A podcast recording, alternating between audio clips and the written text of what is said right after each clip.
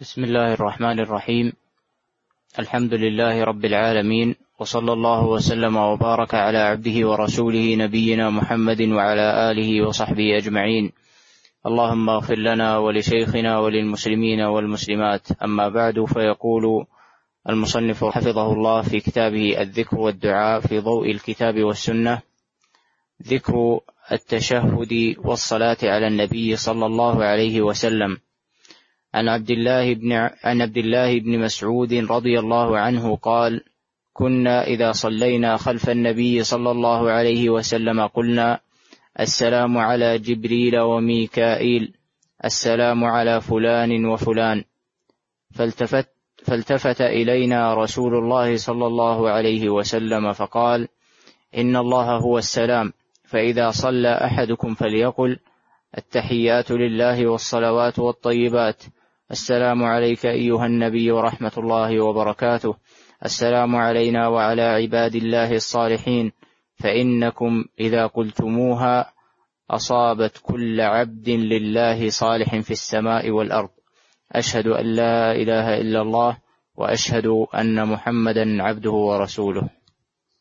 الحمد لله رب العالمين وأشهد أن لا إله إلا الله وحده لا شريك له وأشهد أن محمدا عبده ورسوله. اللهم صل وسلم على عبدك ورسولك نبينا محمد وعلى آله وأصحابه أجمعين. أما بعد أذكار التشهد أي ما يشرع أن يقوله المسلم في جلسته للتشهد.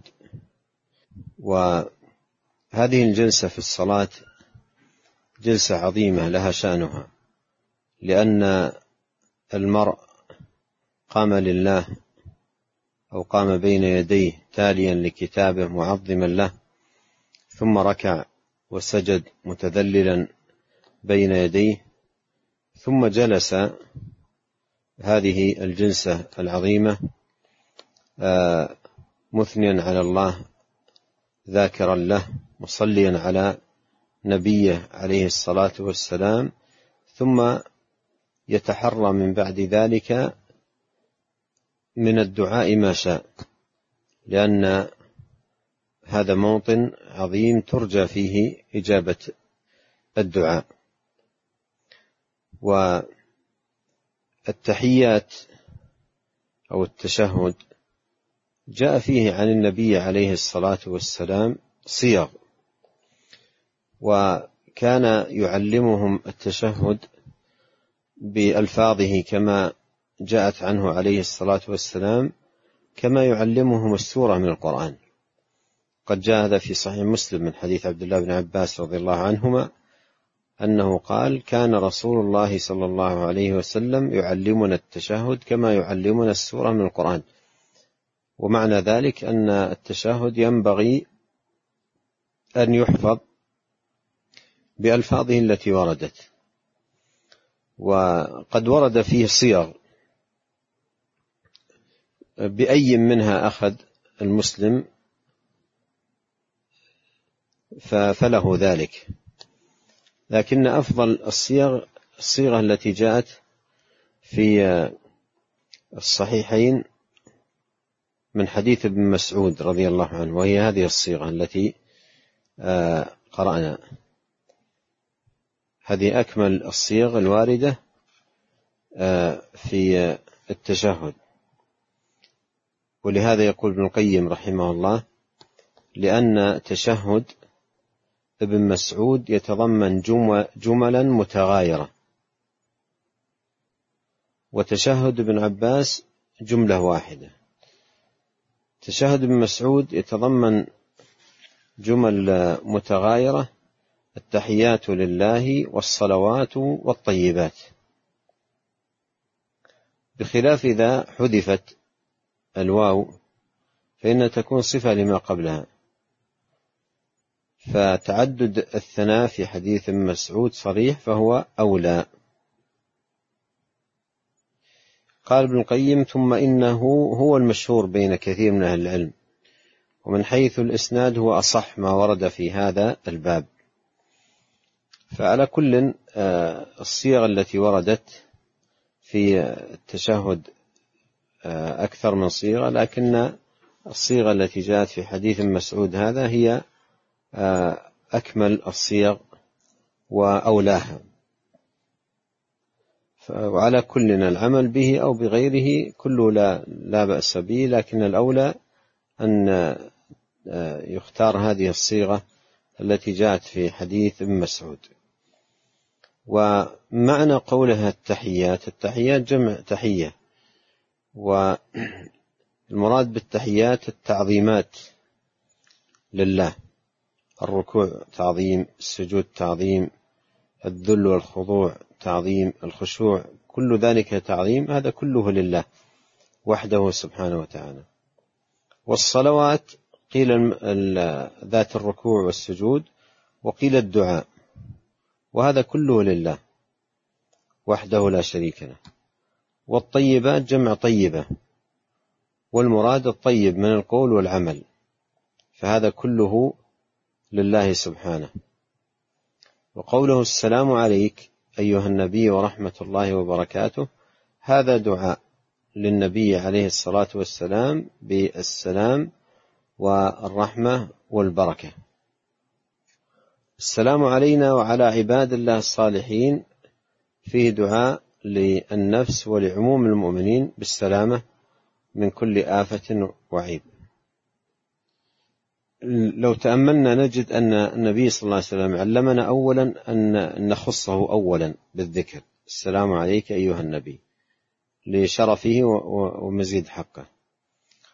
ثم نخص أنفسنا. السلام علينا. ثم نعمم جميع المسلمين. السلام عليك أيها النبي ورحمة الله وبركاته. السلام علينا وعلى عباد الله الصالحين. ثلاث مراتب. أولا يخص النبي ثم تخص النفس ثم يعمم جميع المؤمنين. وقول المتشهد وعلى عباد الله الصالحين. هذه من جوامع كلم النبي عليه الصلاة والسلام. لأن كما قال صلوات الله وسلامه عليه إذا قلتموها أصابت كل عبد صالح في السماء والأرض. كانوا في, في أول أمر يعددون السلام على جبريل السلام على ميكائيل السلام على فلان السلام على فلان. يعددون لكن إلى متى؟ وهل يستوفي كل من يريد أن يسلم عليه؟ فجاء النبي صلى الله عليه وسلم أو جاءت هذه الصيغة عن نبينا عليه الصلاة والسلام وهي من جوامع كلمة تشمل كل عبد صالح آه، في السماء والأرض. ثم بعد هذا التشهد يشرع له أن يأتي بالصلاة الإبراهيمية وقد جاء فيها أيضا أحاديث. قال وعن عبد, وعن عبد الرحمن بن أبي ليلى قال لقيني كعب بن عجرة فقال ألا أهدي لك هدية سمعتها من, من النبي صلى الله عليه وسلم؟ فقلت بلى فأهدها, فأهدها لي. فقال سألنا رسول الله صلى الله عليه وسلم فقلنا يا رسول الله كيف الصلاة عليك, عليك أهل البيت؟ فإن الله قد علم علمنا كيف نسلم عليكم. قال قولوا اللهم صل على محمد وعلى آل محمد كما صليت على إبراهيم وعلى آل إبراهيم إنك حميد مجيد. اللهم بارك على محمد وعلى آل محمد كما باركت على إبراهيم وعلى آل إبراهيم إنك حميد مجيد. وعن أبي حميد الساعدي رضي الله عنه أنه رضي الله عنه أنهم قالوا يا رسول الله كيف نصلي عليك؟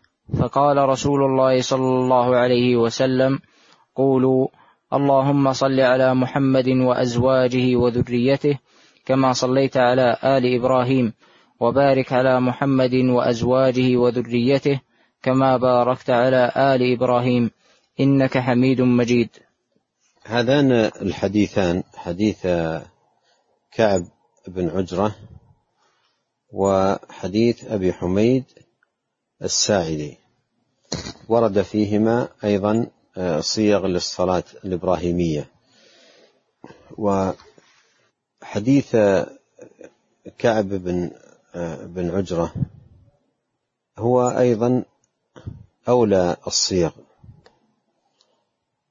لأن ورد فيها صيغ الصلاة الإبراهيمية لكن أولى هذه الصيغ هذه الصيغة التي جاءت في حديث كعب بن عجرة.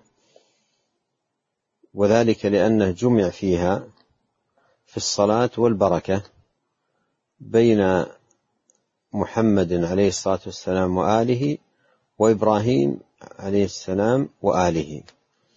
هذه أكمل الصيغ وأجمعها. وقول كعب رضي الله عنه لعبد الرحمن بن أبي ليلى ألا أهدي لك هدية؟ هذا يدل على أن مسائل العلم وأحاديث النبي عليه الصلاة والسلام تعد عند السلف تحف ثمينة ولهذا كانوا يتهادون العلم يتهادون العلم يهدي بعضهم بعضا أحاديث النبي عليه الصلاة والسلام.